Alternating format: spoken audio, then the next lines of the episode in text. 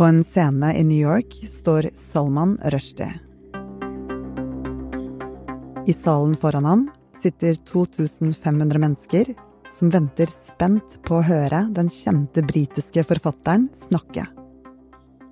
Men idet han blir introdusert, stormer en 24 år gammel mann opp på scenen fra publikum.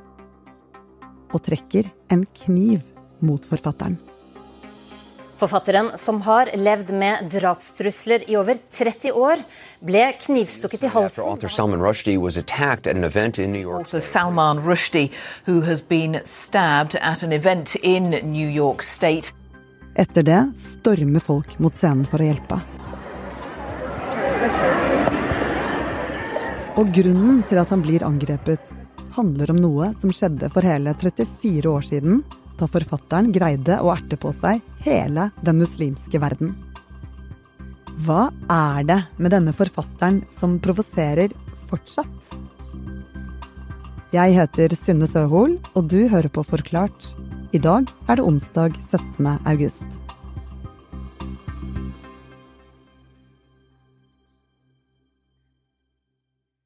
Salman Rushdie er en 75 år gammel forfatter.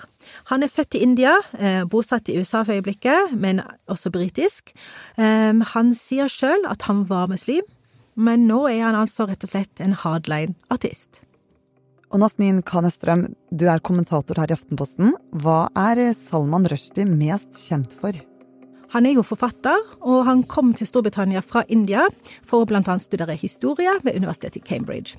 Han kommer fra en veldig um, rik øvre middelklassefamilie med muslimsk bakgrunn, og han var en del av flere intellektuelle indre som var kulturradikale. Så hun kom til Storbritannia for å studere, og senere ble veldig kjente forfattere. Han har skrevet ganske mange bøker, men han er først og fremst kjent for boken Sataniske vers, og den ble utgitt i 1988. Ja, og hvorfor fikk akkurat denne boken så mye oppmerksomhet? Det spredte seg raskt et rykte om at boken var blasfemisk på grunn av, av bokens tittel, men interessant nok så handler egentlig ikke boken om islam, eller det er ikke noe bevisst kritikk av verken muslimer eller islam, men så førte det også til en voldsom debatt om ytringsfrihet som har vart, som varer og har vart fram til i dag. Men hvorfor, det skal vi komme tilbake til litt senere, men det er lite tvil om at boken skapte svært mye sinne. Sataniske vers ble forbudt i India og flere muslimske land.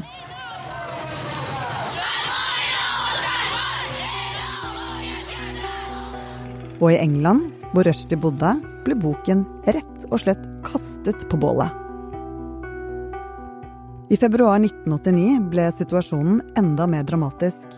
For Irans religiøse og politiske leder, Ayatollah Khomeini, bestemte seg for å bannlyse boken og dømme forfatteren og alle som hadde med utgivelsen å gjøre, til døden. Salman Rushdie fikk altså en såkalt fatwa mot seg. En fatwa er en religiøs instruks fra en islamsk lærd, og i dette tilfellet så handlet det om at Ayatollah Khomeini dømte Rushdie til døden, og alle de som jobbet med den, altså forleggere og oversettere, ble også rammet av denne fatwaen. Selv om Rushdie ble dømt til døden og måtte leve under jorden, fortsatte han å kjempe for ytringsfriheten.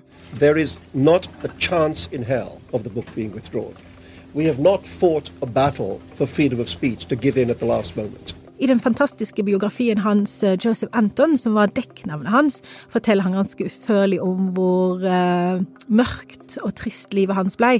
Han kunne f.eks. ikke være sammen med sønnen sin på normal måte lenger. Han måtte flytte i, i, en periode hver tredje dag.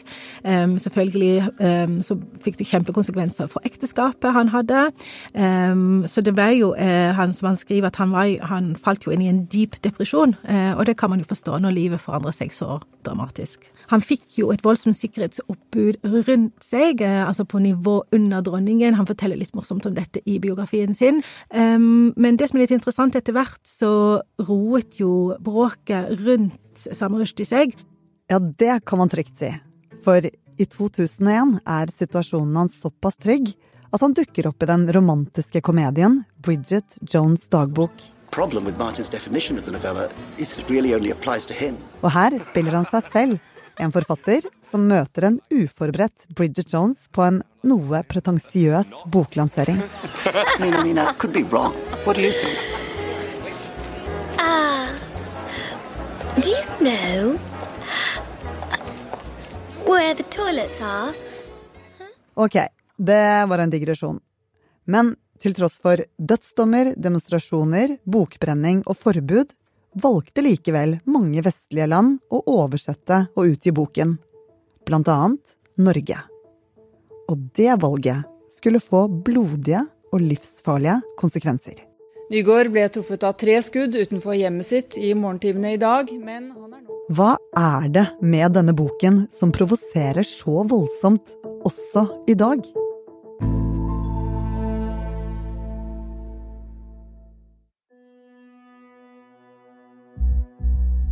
Da sataniske vers ble utgitt på norsk i 1989, fikk forlaget Aschehoug kjenne hvor kontroversiell og farlig denne utgivelsen var. Politiet står så å si uten spor etter skuddene som falt i Dagaliveien 22 i dag morges. I 1993 blir forlagssjef William Nygaard skutt utenfor hjemmet sitt i Oslo. Han var blitt truffet i ryggen, i mageregionen og i venstre hofteparti. Ingen har blitt dømt for mordforsøket, og saken ble henlagt. Og nå, 29 år senere, blir Salman Rushdie knivstukket tolv ganger på en scene i New York. Ja, det var jo litt rart, for jeg var jo på Melafestivalen, hvor, hvor, hvor alt handler om liksom, det multikulturelle.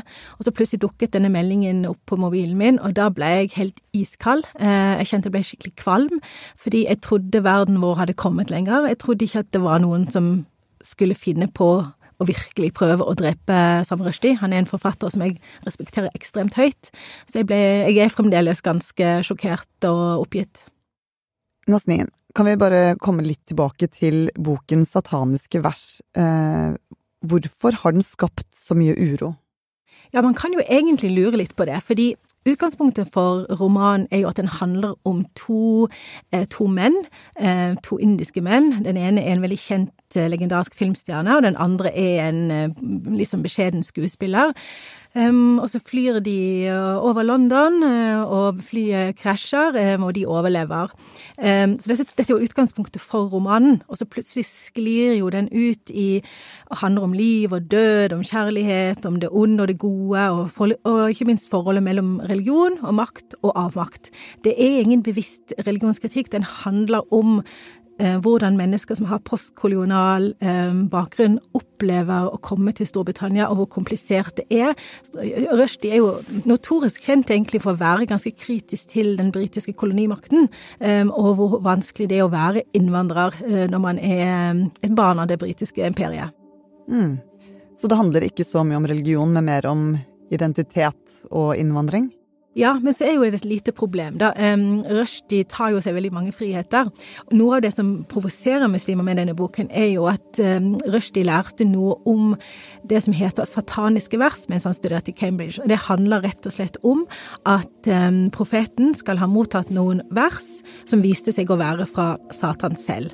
Og så bruker han denne karakteren til å være til å liksom, skal, Han skal være selveste profeten, men han bruker jo et annet navn.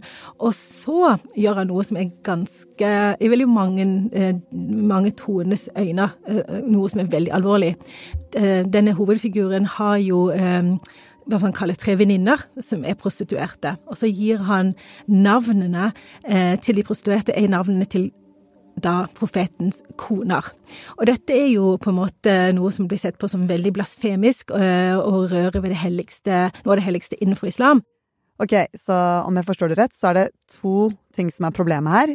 For det første så antyder da Salman Rushdie at den muslimske profeten Mohammed har fått et vers eller en tekst fra djevelen. Og for det andre så antyder han at hans tre koner er prostituerte. Stemmer det?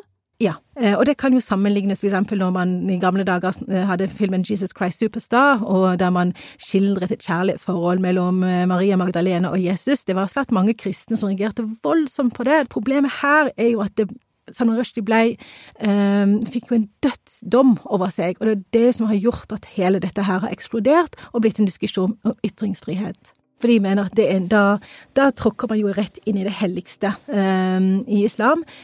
fordi profetens koner har veldig høy status i, i islam, på samme måte som Maria har for katolikkene i kristendommen. Forfatteren Salman Rushdie er på bedringens vei og er frakoblet respirator etter fredagens knivangrep. Det bekrefter agenten hans i dag. 24-åringen som angrep Salman Rushdie forrige uke, er nå arrestert, og forfatterens helsetilstand skal være stabil. Men hva sier dette angrepet om debatten om ytringsfriheten? Den, jo, den viser jo all, med all klarhet at det frie ord fremdeles er truet. Eh, og spesielt når det gjelder kritikk av religion. Det har alltid vært veldig vanskelig og veldig kontroversielt. Eh, og det er jo helt, helt utilgivelig at Eh, at skrivende og kreative mennesker skal være redd for livet sitt når de tar opp ting som har med religion å gjøre. Det er helt utilgivelig. Og Nasnin, du har jo skrevet en kommentar i Aftenposten, um, og der står det at du syns det er viktig at Salman Rushdie blir lest nå. Hvorfor mener du det? Først og fremst eh, fordi svært mange mennesker har veldig sterke meninger om Salman Rushdie, og ikke minst om sataniske vers. Det er fryktelig mange mennesker som ikke har lest den, men som allerede har bestemt, som har bestemt seg for at enten at det er A et mesterverk, B er blasfemisk. Ehm, så jeg tenker at folk må gjøre, opp, gjøre opp sin egen mening. Og så er det noe med det litterære universet som Salman Rushdie har. Det handler veldig mye om um, indisk historie, det handler veldig mye om muslimsk historie, det handler veldig mye om hvordan det er å være innvandrer. Og det er kjempeviktig eh, at folk forstår og får mer empati og innsikt i. Han er med på å bygge broer ikke brenne broer, som veldig mange mennesker tror. Eh, det er jo mange som mener at han burde fått nobelprisen i litteratur, og det er noe som jeg støtter. Men hvis du åpner en Rushdie-bok, så ikke få angst. Det er tungt stoff, det er ikke kiosklitteratur. Men ta den tiden det trenger, men les.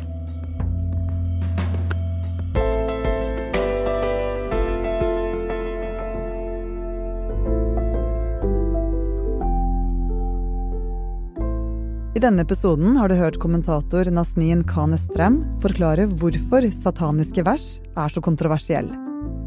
Det er produsent Jenny Førland og meg, Synne Søhol, som har laget denne episoden. Resten av Forklart er Anne Lindholm, Anders Weberg, Fride Næss Nonstad, Marit Eriksdatter Gjelland og David Vekoni. Lyden du hørte, er hentet fra nyhetsbyrået AP, NRK, CNN og BBC. Og klippet fra Bridget Jones' dagbok er hentet fra Universal Pictures. Og du, husk at du kan høre Forklart helt gratis hver ukedag i Aftenposten-appen, Podme eller der du hører podkaster. Og hvis du tipser en venn i tillegg, blir vi superglad.